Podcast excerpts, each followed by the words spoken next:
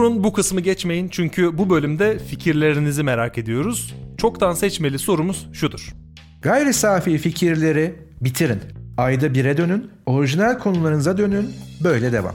Bu dört şıklı çoktan seçmeli sorunun yanıtlarını Twitter'da ve Instagram'da mesaj olarak gayri safi fikirlere gmail.com'a da elektronik posta yoluyla iletmenizi rica ediyoruz. Şimdi dilerseniz bölüme geçelim. Bu bölümde biraz içimizi döküyoruz. Gayri safi fikirleri tartışıyoruz. Evet ve hemen söyleyeyim belki de son bölümdeyiz.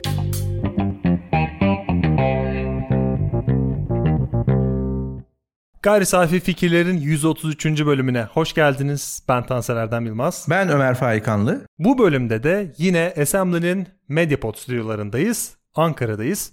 Bu hafta gündemimizle içeriğimiz yine uyuşuyor. O yüzden hem Spotify hem de YouTube için tek bir bölüm hazırlama kararı verdik. Bu aslında bazı bölümlerde konuşacaklarımız her iki yere de aynı ölçüde, aynı dozda gitsin istiyoruz. Bu doz kavramını burada çok iyi e, kullandığımı düşünüyorum. Çok iyi uyduğunu düşünüyorum. Bu bölüm benim gündemim. Aslında eleştiri, eleştiriyle bağlantılı olarak ele, hangi eleştiriye atominem dediğimiz ve hangi eleştiriyi ne kadar ciddiye alacağımızı kararlaştırmak üzerine. Ben şahsi olarak şöyle bir yerde konum aldığımı hemen belirtip topu sana atacağım. Senin fikirlerini duymak çok istiyorum.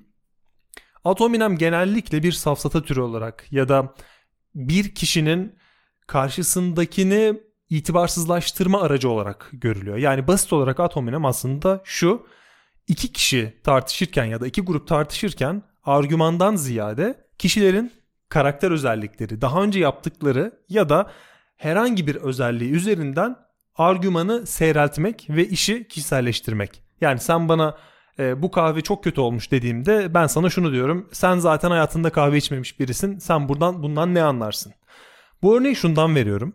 Burada benim verdiğim örnekte bu atomenem aslında benim için faydalı. Çünkü kahveden anlamayan biri için, kahve içmeyen biri için benim yaptığım kahveyi tartabilmek aslında çok mantıklı olmayabilir. Çünkü her eleştiri aynı derecede kıymetli mi tartışması da aslında burada biraz çözümleniyor. Çünkü atominem bizim bana kalırsa evrimsel olarak hayatta kalma becerilerimizi arttıran bir özellik. Yani biz ailemizden gelen bir eleştiriye ya da şöyle diyelim.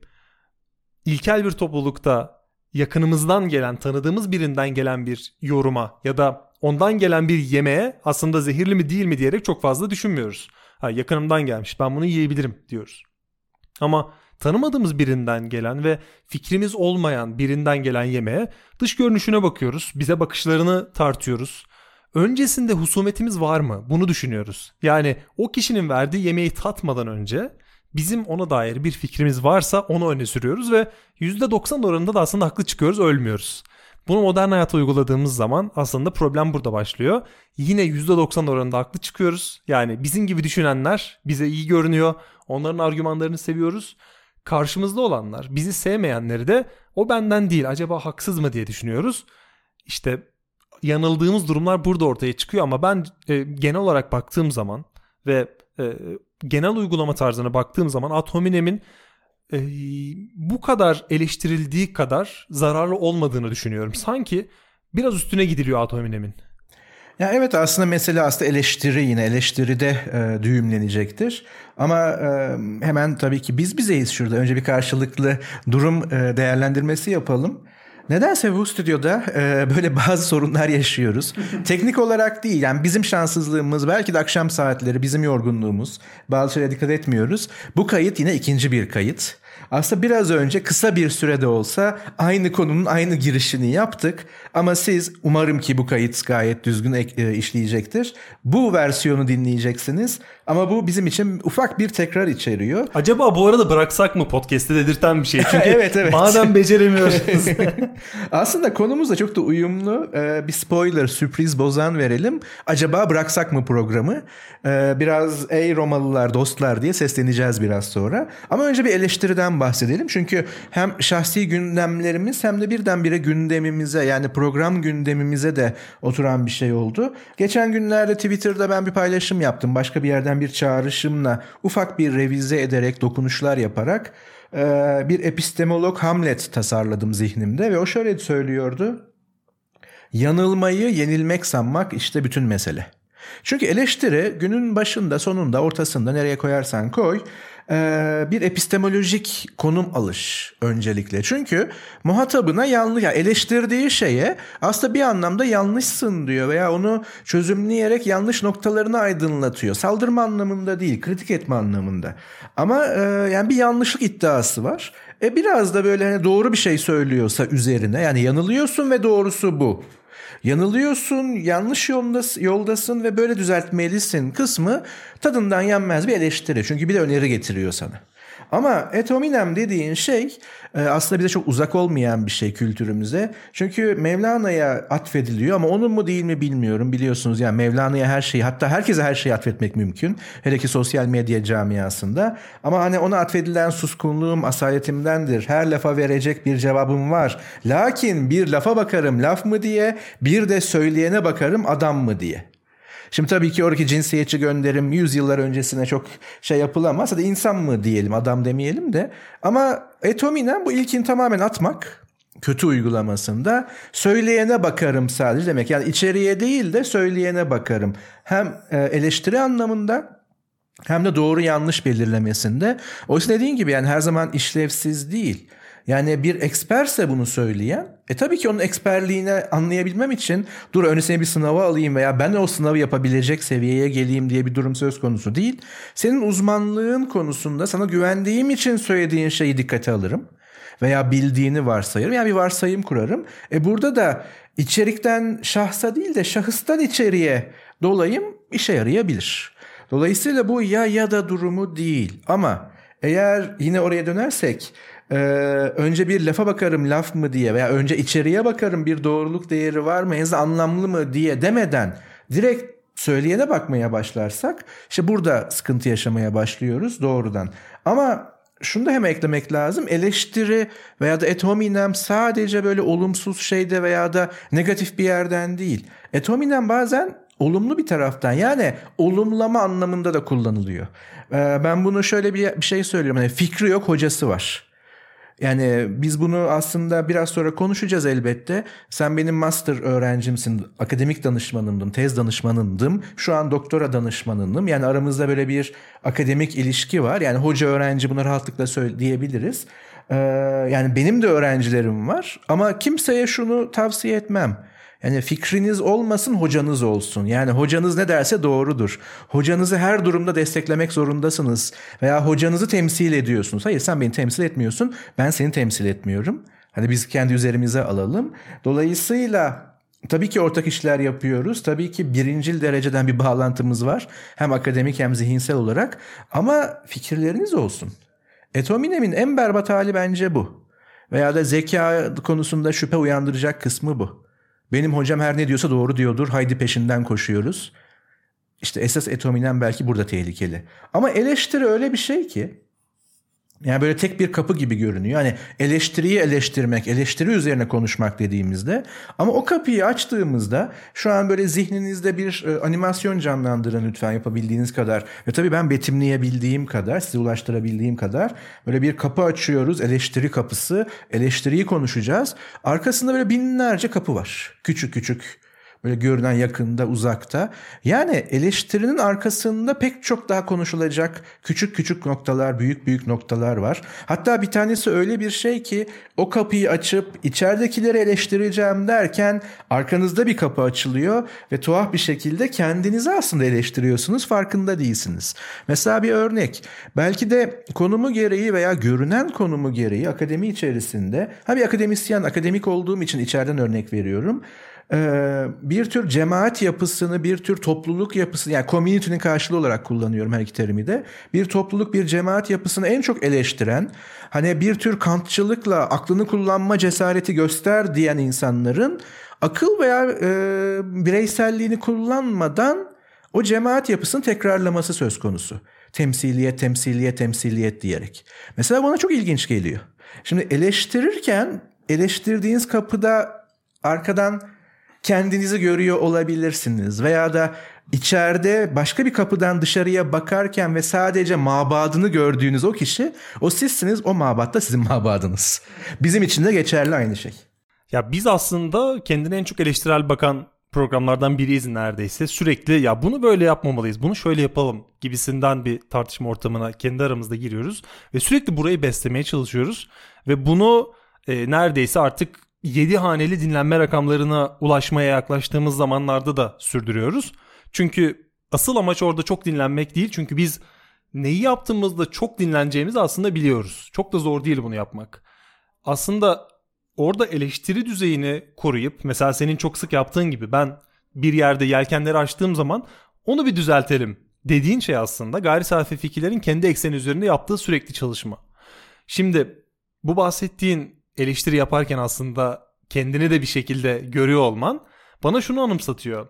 Herkes bir eleştiri yapıyor ama bazen o eleştiriyi kendine yapmak mı yoksa sırtını dayayacağın birini bulmak mı arasında bence bir ikilemde kalınıyor. Çünkü bu çoğu zaman bilgi mi yoksa güvende olma hissi mi? Bu ikili arasında da görülebiliyor. Ve e, üzücü bir biçimde kötülük kavramı da aslında biraz bundan besleniyor. Yani madem biri kötülük yapıyor, o, ki, o kişi acaba kötülük yaptığının farkında mı? Bu soru çok e, ciddi bir yere dokunan bir soru ama bizi şu açıdan düşünmeye itmesi gerektiğini düşünüyorum. Kötü insan evet var. Biz de belki birileri için kötüyüz ama şunu düşünelim. Biz de kötü biri olarak adlandırıldığımız zaman yaptığımız şeylerin mantıksal bir zemini var. Mesela Hitler döneminde Hitler'le konuştuğunuz zaman onun da kendi içinde kurduğu mantıksal bir zemin var. Yani o kendi zihnindeki şartları döndürüyor. Bizim için dönmesi önemli değil. Şundan bahsediyorum. Mesela çok e, yakın dönemde bununla ilgili bir çalışma okumuştum. Neden insanlar iktidarda yolsuzluk yapanları gördüğünde onları desteklemeye devam eder? Çok yaygın bir kavram vardır. Yiyor ama çalışıyor. Biraz da bunlar yesin gibi. Bu tüm dünyada olan bir şey. Türkiye'de olan bir durum değil.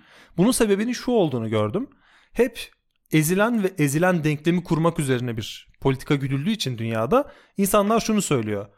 Bazıları bizi ezmişti. Şimdi sıra bizde. Onlar kötülük yapıyor olabilir ama benden yapıyorlar. Yani benim desteklediklerim ben fakirleşsem de zenginleşiyor. Olsun başkası zenginleşmiyor. Tıpkı kötülükte olduğu gibi bu tip durumlarda da bence eleştiriden kaçmayı ya da kendimizi o eleştiriyle baş başa bırakmayı erteleyebiliyoruz.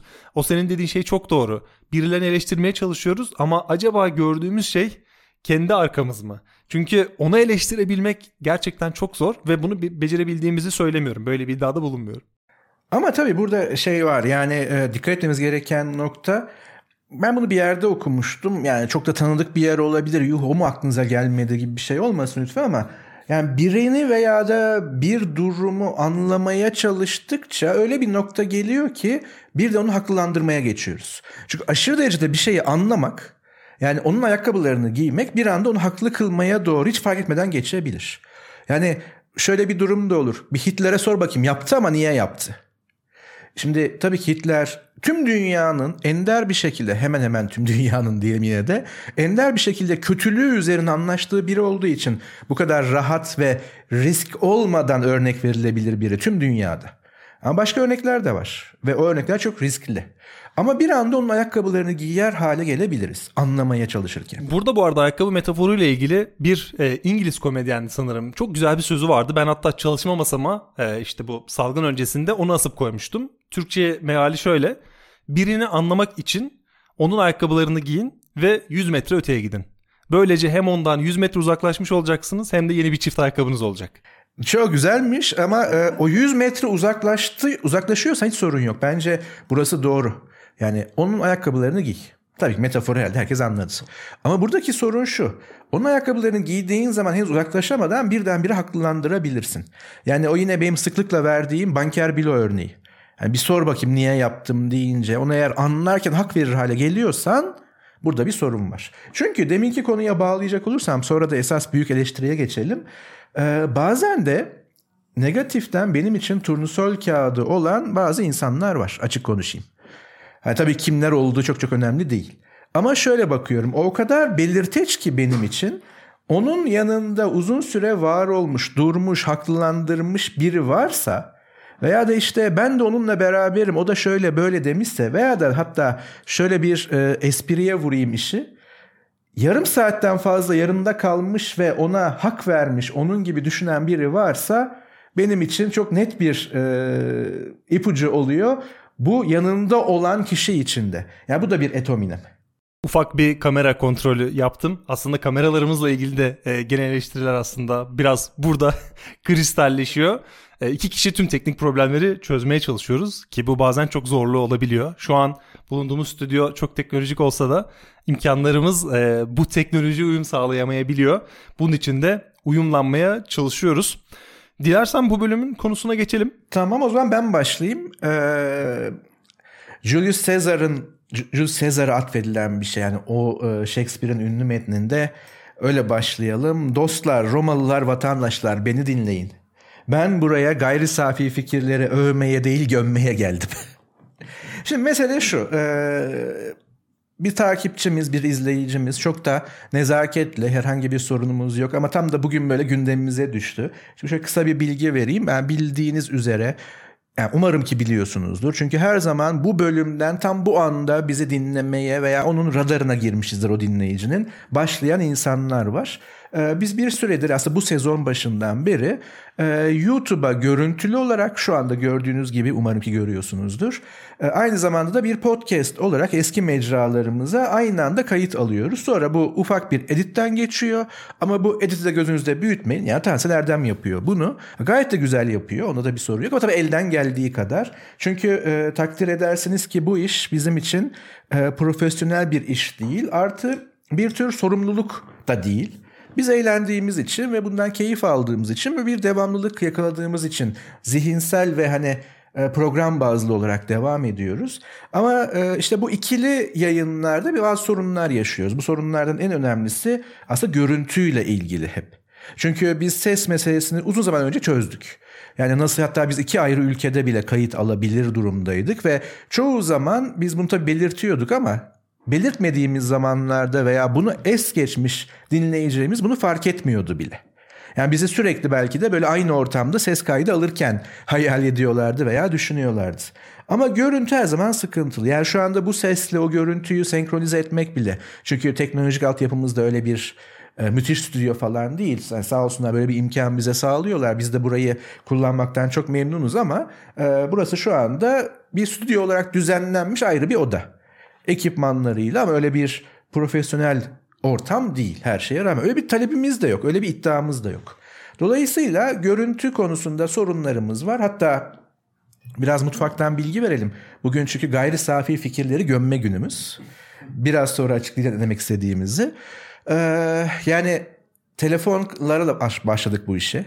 Eski görüntülerimizde benim eski Samsung telefonumla alıyorduk. Şu andaki bu sezonun tüm görüntüleri iPhone'larla alındı. Ama öyle Pro'lar falan değil. Kendi iPhone'larımız. Ee, bir kere üçüncü kamera olarak bir webcam yani fena olmayan bir webcam kamerası kullandık. Ee, bir tane Sony'nin bir kamerasını kullandık ama eski bir kamera. Öyle vlog kameralarından, 4K kameralardan falan değil. Hatta onu hiç kullanamadık. Çünkü o görüntüye bir türlü uymadı. Onun editi çok ciddi sıkıntılıydı. Yani bu tip şeyler yaşadık ve tabii ki bunun bazı şeyleri var. E, yansımaları var olumsuz anlamda ama samimiyetimizi yitirmediğimizi düşünüyorum. Şimdi e, o yorumu ben bir paylaşayım. Üzerine söyleyeceğimiz şeyler var. Bize de böyle bir şey yaptı. İşaret fişeği yaktı aslında. E, şöyle ki hocalarım görüntü işlerinde beyaz arayı, ayarı white balance denilen bir şey var. Araştırmanızı öneririm. Ha burada umarım ki espri yapıyordur. Çünkü büyük ihtimalle espri evet, yapıyor. Evet çünkü bu araştırmanızı öneririm lafı bende hafiften böyle bir şey yapıyor. aman aman diyorum. Ee, makinenin imkanı varsa bunu analog olarak beyaz bir kağıt üzerinden yapmanızı yoksa da dijital olarak iki kameranın da aynı beyaz modunda olmasını tavsiye ederim. Aldık bu tavsiyeyi yani daha iyiye doğru gitmeye hep bir gayretimiz var. Ee, yani burada biz şu an farklı bir şey deniyoruz. Umarım oluyordur. Yani beyaz ayarıyla veya dengesi ilgili değil. Çünkü birden çok kamera kullanmanın ve geçişleri yapmak çok zor. Tek kamera kullanmak yine bu olduğumuz ortamda öyle bir açı bulmak çok zor. Şimdi onu deniyoruz. Ama bu tavsiyeyi aldık cepte. Çok teşekkür ediyoruz. Ki zaten bu da yapıcı bir eleştiri. Yani bizim ses olarak ulaştığımız seviye neredeyse en iyiye yakın. Bugüne kadar çok fazla ekipman değiştirdik ama görüntüde İşin açığı acemiyiz. Yani sürekli acemice çözümler buluyoruz. Acemice bir şeyler yapmaya çalışıyoruz. Ee, çoğu zaman telefonlarımızla deniyoruz. Açısını tutturamıyoruz. Bazen telefonlarımızın hafızası doluyor. Biri arıyor. Şu an mesela çektiğimiz kameralardan biri bizi izleyenler varsa ısındı. Çok ısındığım için kapanıyorum dedi. Ee, onun altında benim telefonum kayıt halinde ama benim telefonumda e, biz onu yedek olarak kullanmıştık. Umuyorum ki devam ediyordur. Şimdi bunları neden bu kadar mutfaktan anlatıyorsunuz? Bunlardan bize ne? Bence demiyordur dinleyicilerimiz. Çünkü hepsi bizimle çok iç içe ve biz 6 yıl boyunca 132 bölümdür ve yaklaşık 30 bin 40 bin dinleyiciyle bunu yapıyoruz. Her biriyle bazen birebir de karşılaşıyoruz, konuşuyoruz. Bazen bize mail atıyorlar, bazen Twitter'da yazıyorlar. Kimi zaman sokakta karşılaşıyoruz. Aa siz değil misiniz hocam diyorlar. Ben diyorum ki hoca olan ben değilim. hoca olan öteki.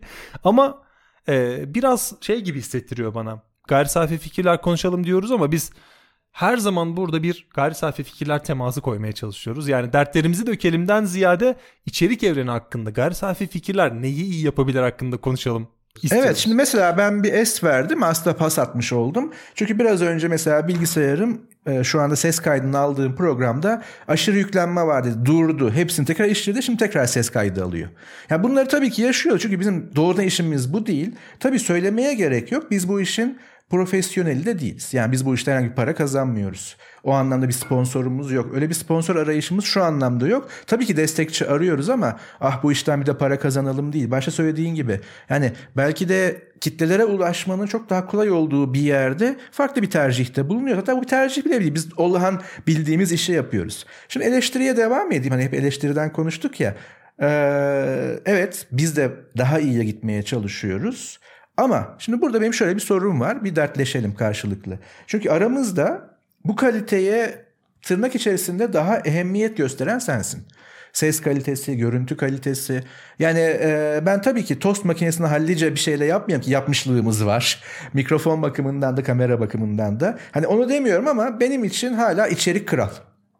İçerik iyi ise biçimi veya da o kaliteyi bertaraf eder, kalitesizliği. Ama tabii ki hani bu illaki sadece içerik değil çünkü kalite dediğimiz şey çok çok önemli. Her anlamında her yere sirayet etmezse yani içerik güzel ama ses çok cızırtılı da hakikaten yorucu olabilir. Hele ki şu anda bizi podcast yani direkt ses olarak dinleyenler için hani bir bölümümüzü hatırlatalım hep hatırlatıyoruz ama nadide bir bölümdü. Bir kafede yapalım, bir kahve evinde yapalım derken kahve öğütüleceği neden aklımıza gelmedi. E tabii ki tüm bir mekanı kapatacak değiliz. E o anda e, tabii ki biz her bir bölümümüz elimizden geldiğince kendimiz de dinliyoruz yayından sonra ama e, o anda ben o dinleyicilerin yerinde olmak istemezdim. Bir anda arkadan ve bir ses gelmesi. E, tabii ki bunları bertaraf etmek gerekiyor ama sorum şu. Yani kalite görüntü içerikten öne geçtiğinde ki aslında görsel bir şey yapmıyoruz. Yani biz burada görsel anlamda sadece şu anki bu işte podcast'in kaydını orada biz görüntü olarak paylaşıyoruz. Ee, ya da ses. Yani öyle bir ses kalitesine gelebiliriz ki artık insan kulağının anlayamayacağı kadar kaliteli olabilir. Yani aradaki farkı artık duyamayacağı kadar. Bu neden ve nereye kadar önemli sence? Ya ben biraz bu işin profesyoneli sayılırım. Şu an hem yurt içinde hem yurt dışında kimi e, kıymetli bulduğumuz kurumlar için bunların eğitimlerini, podcast'in eğitimlerini veriyorum. Ve insanların çok fazla podcast fikrini, podcast içeriklerini duyuyorum. Çok fazla podcast dinliyorum. Yani ben uyurken de dahil olmak üzere sürekli podcast tüketen biriyim ve bunu 10-12 yıldır yapıyorum. Ee, ses dünyasında da yeni değilim. Ee, ikimiz de aslında içerik dünyasında çok e, uzun zamandır varız ama Şöyle birkaç belki burada fikir e, belirtebilirim. Gayri safi fikirlerin sunduğu ses kalitesini sunabilen Türkiye'de podcast sayısı e, bir elin parmaklarını geçer ama arkalarında büyük stüdyo destekleri olmayanları dışarıda bırakırsak bir elin parmaklarından azdır.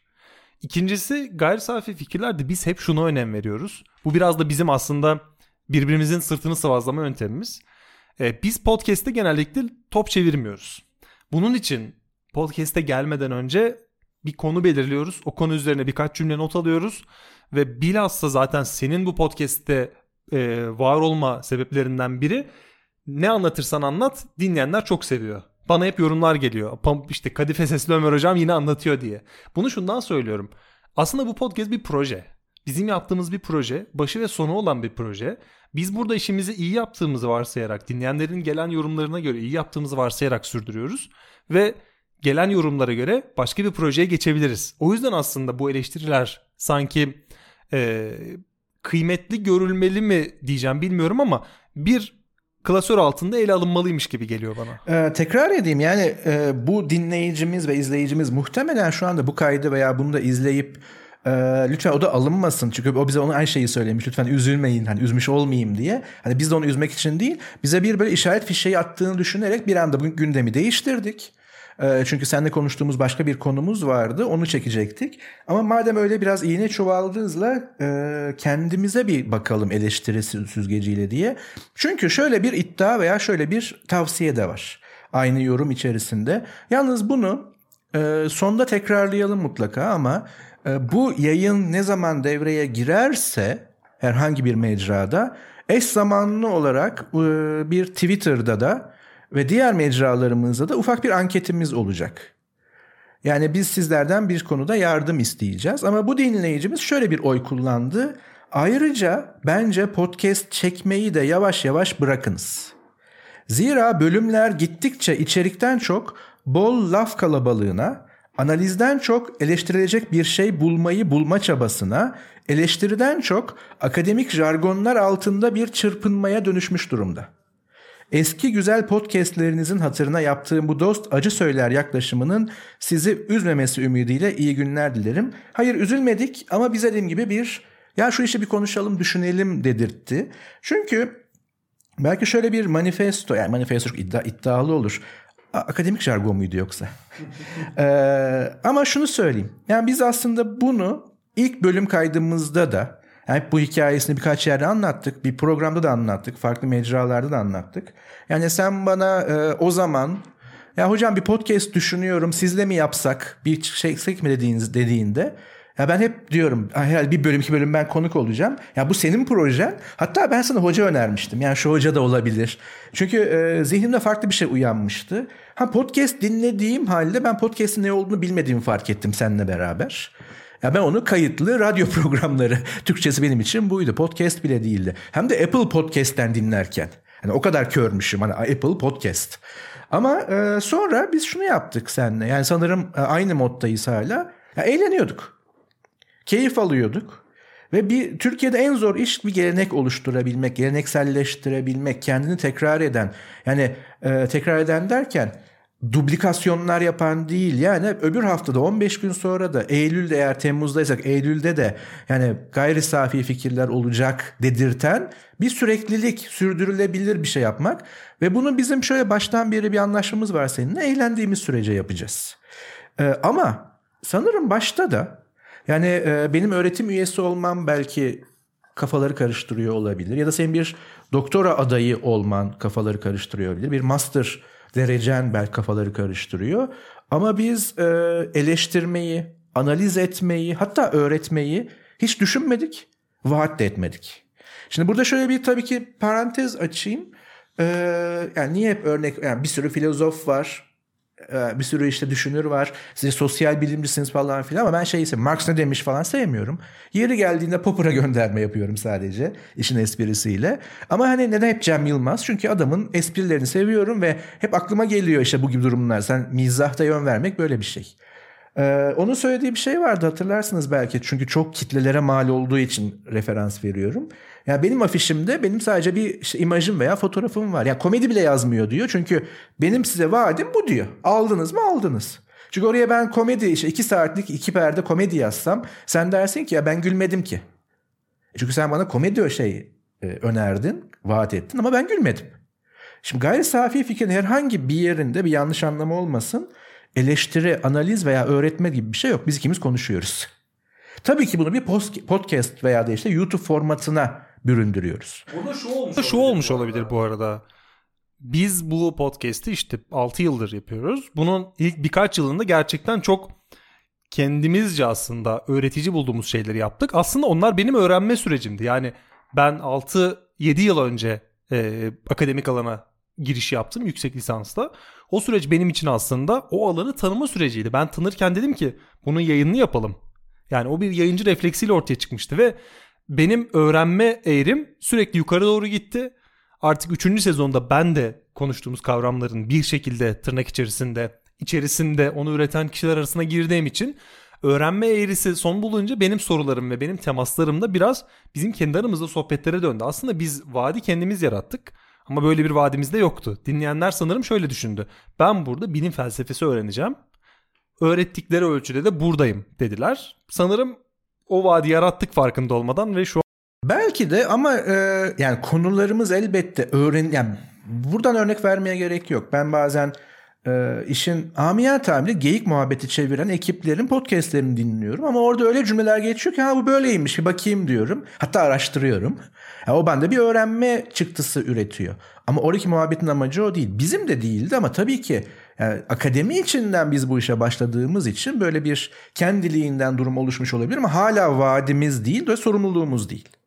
Yani e, evet bizim en çok dinlenen izlenen program Thomas Kuhn, Karl Popper'lar ama zaten bizim günlük iştigal ettiğimiz bir işin parçaları. O yüzden biz buraya taşıdığımız sohbette de biz buraya gönderme yapıyoruz veya da bu hafta biz ne konuşsak dediğimizde e, o aklımıza geliyor. Yani bir hafta önce Popper konuştuysak önceki programlarda e, haliyle bir sonraki program ne konuşsak konuşmasında e, bir de Kuhn'a bakalım diyoruz. Yoksa o bir müfredat değil, o bir dizge değil.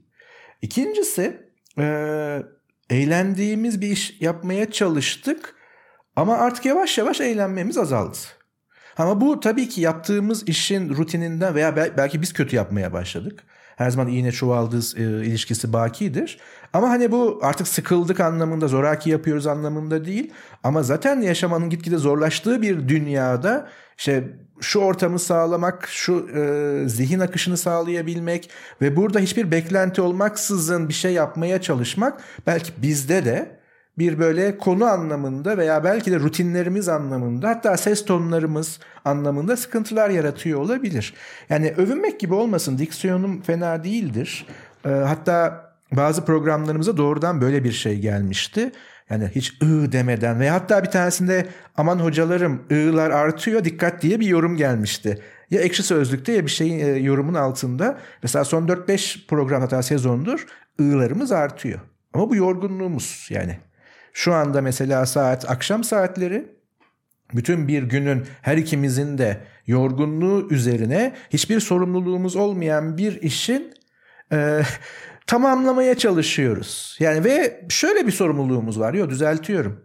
Ki bu konuda sen çok daha hassassın. Yani boş ver ya sen Selerdem demedim hiç ama sen hep burada beni uyardın. Rutinimizi bozmayalım. İki haftada bir dedik 15 günde. Hatta biz bir ara bir hafta haftada biri falan denedik.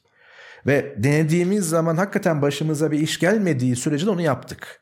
O yüzden belki 6 yıl e, sadece 132 program artı bazı özel seriler değil gerçek anlamıyla devamlılığı olan belki tekiz.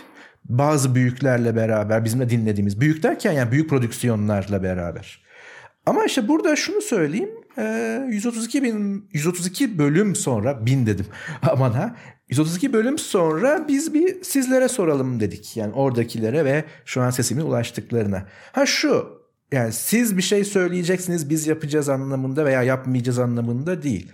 Ama madem ki gayri safi fikirler dokunuşu adı altında bu kadar bölümdür çok ummadığımız sürprizli veya bize sürpriz yapan yerlerde yani mesela bir tanesini söyleyeyim. Bir öğrencim başka bir şehirde bir etkinliğe katılırken oradaki bir hoca, doğa bilimlerinden bir hoca tesadüfen aa işte Ömer Hoca sizin bölümünde mi? Aa senin hocan mı?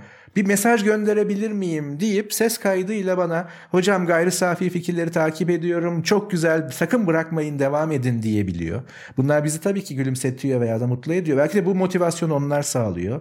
İşte ekşi sözlükte yazılanlar, yorumlarda yazılanlar bunlardan bağımsız olarak e, maillerimize veya başka mecralara düşenler Resmi bir görev için gittiğim bir kurumda ya hocam bir arkadaş varsa tanışmak istiyor çünkü podcastlerinizi dinliyormuş diyenler. O kişinin gelip ya kendimi ünlü biriyle tanışmış gibi hissettim demesi. Hani bunlar tabii ki eğlenceli ve bizi motive eden şeyler ama yine de şöyle bir hep beraber bir karar alalım. Yani kararı biz alacağız da. İşi de büyütmeyelim. Ama hani madem böyle bir dinleyici kemik kitlemiz var e, yavaştan bırakma zamanı veya dönüşme değişme zamanı geliyor mu diye aklımıza düştü. Ya bu soru aslında şuradan da şekilleniyor. Bize biz bu programa başladığımızdan bu yana gelen bazı teklifler oluyor. Proje teklifleri, sponsorluk teklifleri. E, bunlar kimi zaman yeni projelere evirmek oluyor, kimi zaman gayri safi fikirleri ona evirmek oluyor. E, artık şunu düşünmeye başladım ben biraz. Belki burada yeni bir projeye de geçebiliriz biz. Yani gayri safi fikirlerden biz alacağımızı aldık. Her şeyi konuştuk. Artık içimizde gayri safi fikirlere dair söyleyecek hiçbir şey kalmadı. İyi anlamda diyorum. İçimizi döktük tabiri caizse. İçimizi ve zihnimizi döktük. Sıfırdan yeni bir seride mi buluşalım? Yani burada yaptığımız tüm temasları gayri safi fikirlerin üçüncüsü, beşincisi, dördüncüsü ya da burada kurduğumuz kavramları geride bırakıp bu sermayeyi geride bırakıp sıfırdan mı başlayalım? Çünkü bizim masamızda gerçekten çok fazla içerik tipi var. Sizin duymadığınız ve bizim çok fazla deneyip ya bunu biraz erteleyelim dediğimiz çok fazla proje var. İkinci alternatif şu gibi geldi. Biz haftalık içerik periyotlarımızı iki haftalığa şu sebepten dolayı düşürmüştük. Biz her hafta bunun için dolduramıyoruz. Acaba gayri safi fikirler devam etsin ama ayda bir mi devam etsin? Ya da hem gayri safi fikirler devam etsin ayda bir hem de yeni bir fikir bulun. Yani biz dediğin gibi bu kararı biz vereceğiz. O kadar büyük dev bir demokrasi şöleni olacağını zannetmiyorum. Ama biz de e, dinleyenlerle aramızda o mesafeyi çok açmayı sevmiyoruz. Yorumlar alıyoruz. Kimi zaman bu tip eleştirileri alıyoruz. Ve bu eleştiriler bizim için mesela seninle bu eleştiriyi paylaştığımda genel olarak yapılan yorumun aksine benim ilk yorumum şu olmuştu. Biz bunu ciddiye almaya hemen mi başlayalım yoksa bu bölümü kaydedelim mi? Yani bir gelen eleştiriye yok saymak, onu silmek mesela ben o yorumu sildiğim zaman kimse farkında olmayacaktı. Biz de bir süre sonra unutacaktık. Güzel yorumları tutuyorsak eleştirileri de tutalım, ciddiye alalım, dikkate alalım. Ee, burada şu geldi benim aklıma. Bu bölümün ben belki başına da bunu ekleyebilirim. Birkaç opsiyon sunalım dinleyenlere. Acaba ne istiyorlar? Ee, benim aklıma bir şey geldi. Hani gayri safi fikirleri biz tükettik. Yeni bir içeriğe gidelim. Başka ne diyebiliriz? Ayda bir sizi dinlemek daha güzel. En azından biraz daha içeriği doldurursunuz. Ya da klasik konularınıza geri dönün. Döneriz tekrar. O konuyu, Teoride anlatırız. Evet o konuyu 10 farklı yerinde anlatabilecek donanımımız da içeriğimizde var. Ama işin doğrusu hani biz oradan artık biraz hatta e, şöyle hani bu mutfaktan bir yayın ve program ve kayıt şu anda. Ya biz dönem hatta geçen dönemin başında ya artık şu Kuhn, Popper hatta Popper'ı bile bu kadar anmayalım hani bırakalım bu işi. Yani artık her şey epistemoloji bilim felsefesine indirgenmesini biz aramızda konuştuk. Ancak bu dönem biraz biraz yaptık bu yapılmış hali. Ama mesela aramızdaki üçüncü esprisi kendiliğinden çıkmıştı yani biz bir Popperyen değiliz veya hiçbir şeyci değiliz o anlamda. Ama hani o kadar çok Popper Popper Popper dedik ki işin esprisi oldu. Hatta geçen hafta bana ulaştırılan iki tane böyle e, sağ olsunlar afiş tasarısı vardı, tasarımı vardı. Onları Twitter'dan paylaştık e, benzer mecralardan. Hani mesela bu yapılırken de oraya Popper'ı koymuşlar. Çok hoşuma gitti. Hani bu, bu bir espri tabii ki. Burada şunu da söylemem lazım. Biz aslında çok ulaşılabilir iki insanız her zaman ben içerik dünyasına girdiğim andan itibaren şunu savunmuşumdur. Ulaşılabilirlik her zaman en zorlu eleştirileri size insanların ulaştırabilmesini sağlar. Yani bir insan sesinin duyulacağını bildiği için bize ulaşıyor. İyi ya da kötü anlamda. Bunu şu açıdan düşündüm biraz. Biz mesela bütün temaslarımızı benzer formasyonlarla yapıyoruz. Sen bilim felsefecisin, e, yaptığın çalışmalar epistemoloji, bilim felsefesi, kimi zaman bilim tarihi ya bunların harman olduğu bir yerden geliyorsun. Senin zihnin böyle şekillenmiş. Benim zihnim de biraz daha buna göre şekillenmiş ama popüler içerikler, bunların temasları bende daha fazla. Zaten dinleyenler de bunu fark eder. Ben uçururum sen zemine indirirsin. Ama bunu mesela Slavoj Žižek. Žižek film incelerken de Lacan'dan bahseder, Marx'tan da bahseder. Ee, bu termosu irdelerken de Lacan'dan bahseder, Marx'tan bahseder. Yani Bizim aslında yaptığımız şey bildiğimiz tarzda her şeyi yorumlamak. Biz psikoloji konuşurken de yine eksenimizden kaymamayı bilinçli olarak yapıyoruz. Çünkü biz şunu yapmayı hiç istemedik. Bir konu belirleyelim. Ee, kupa üretmenin felsefesi. Kupa öğretmenin felsefesi. Hadi şimdi gidelim e, kupalar üzerine tarihsel bir açıklama yapalım. Kahve üzerine tarihsel bir açıklama yapalım. Sırayla söyleyelim. Biz uzman olmadığımız ya da fikirsel temelini oluşturmadığımız şeyleri konuşma konusunda istekli değiliz. Belki bu bizim top çevirdiğimiz, hep aynı yerde kaldığımız izlenimini mi uyandırıyor? Şu an aklıma bu geldi. E, ama ben yani şöyle diyebilirim. Ee, seçenekler böyle değil mi? doğaçlama yapıyoruz. Biz sadece bir fikir üzerinden şu an karşılıklı oturduk. Mesela bence birileri eğer diyorsa ki bu dinleyicimiz en azından yavaş yavaş demiş ama yavaşa gerek yok. Bir seçecek bitirin. Yani bu seri bitsin. Sonrasına bakarız. O ayrı. İki, ayda bire dönün veya geçin. Hani bunun motivasyonu da şu. Yani daha dolu, daha içerikli, zihninizi topladığınız, hazırlandığınız, e, belki hani bu, bu ay ne konuşalımı izleyici, dinleyiciler üzerinden karar verdiğimiz. İşte ilk iki hafta siz karar verin. En çok oyu alan şeyi biz konuşalım ma döneceğim. Bir sürü seçenek var ama ayda bire dönün. Üç, orijinal konularınıza dönün. Yani siz yine bize bilim felsefesi anlatın. Popper'ı, Kuhn'u anlatın. Lakatoş'u anlatın. Daha önce çok anlatmadığınız. Senin master tezin aslında onun üzerine. Ya da böyle devam. Şimdi bu seçenek de var. Şimdi tabii ki şunu söyleyeyim. Hani burada bir hani rest durumu yok. Hakikaten biz de bir duralım. Çünkü yürürken ve koşarken düşünmek zor. Bir duralım bizi düşünelim derken düşünmemize yardım edin mevzusu. Bir de tabii şöyle bir hani çuvaldız hep bize ama bir de iğneden bahsedeyim. Bizim çok kıymetli ve takip etmekte çok tutarlı dinleyicilerimiz var. Biz bunu çeşitli ortamlardan, çeşitli araçlardan edindiğimiz verilerle hep teyit ediyoruz. Yani sadece böyle doğrudan geri dönüşlerle değil. Ama belki de ben onlara çok benziyorum. Çünkü ben de hep takip ettiğim bu tip kanallar veya da benzeri içerikler konusundaki sessiz yığının bir parçasıyımdır. Yani e, bazen yani ben buna önem veriyorum yani like ediyorum veya işte o neyse o mecra hani beğendimse beğendim mi oraya işaretliyorum vesaire. Tabii ki bu kendisi zaten konuşulabilir bir durum ki bir kere konuşmuştuk galiba. E, ama onun ötesinde mesela yorum çok yazmam. Yorumda bulunmam iyi veya kötü. Ya aklıma takılan bir şey çok çok radikal bir durum yoksa ulaşmaya çalışmam. Şimdi bizim kitlemizde veya kitle demeyelim hadi bizim de ee, yoldaşlarımız da bu anlamda bizimle beraber şu anda bir arabada otomobilde uyurken uyumaya çalışırken de belki de hepsi var çünkü ben de yapıyorum.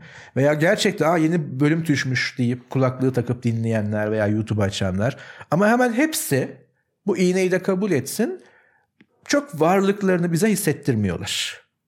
Şimdi buna da belki ihtiyacımız var. O yüzden e, böyle bir ufak anket çalışması yapıyoruz. Tabii ki bunun birincil mecrası Twitter veya işte bu eğer yayın olarak e, şeyde olursa YouTube'da olursa alttaki yorumlar olacak. Ha, gelen başka bir şey varsa onu da yazın ekleyin. Mesela sıklıkla bize iletilen bir şey var. Galiba böyle bir ya bizden beklenti var ya da hani siz yapsanız güzel olur sizden dinlemek diyen var ya da hakikaten kimse yapmıyor siz yapın diyorlar. Felsefe tarihi çok fazla isteniyor bizden. Aklımızın bir ucunda var belki bir projemizde bu ama Hani o öyle bugünden yarına yapılacak bir şey değil. Çünkü işte orada bir vaadimiz olur. Biz o vaadin altından kalkabilecek bir hazırlık yapmak durumundayız. Ama mevcut yapımızda gayri safi fikirlerin sizi şu anda işte 40 dakikadır ki bu uzun bir program oldu düşündüğümüzden bu konuşmaya ortak etmek haricinde bir vaadi yok. Hiç de olmadı. Hani o yüzden eleştirilerinizde de bir vaat varmışçasına e, davranmazsanız sevinirim. O halde aslında bu bölümde sizin beklediğiniz fikirlerinizi bölüm başında biz size ilettik. E, şu an bizi tüm diğer mecralardan takip etmeniz ve bölüm başında bahsettiğimiz gibi bu bölümde yorumlarınızı bırakmanız ve bizimle konuşmanız hatta çoktan seçmeli oluşturduğumuz o mini sınava katılmanızı istiyoruz. Umuyoruz ki ya da nasıl diyeyim isterseniz ki bir sonraki bölümde görüşmek üzere. Evet ama bu kez e, bu bir temenni olmakla beraber hakikaten yani çünkü ikimiz karar vereceğiz. Bitti diyebiliriz ve bir daha gayri safi fikirler başlığı altında bizi duymaya da bilirsiniz. Biraz da böyle bir gerilimli ortam bırakalım. E, bugüne kadar hani ola ki diyelim hani onu da es geçmeyelim. Bizimle olan ve bizi dinleyen herkese çok çok teşekkür ediyoruz.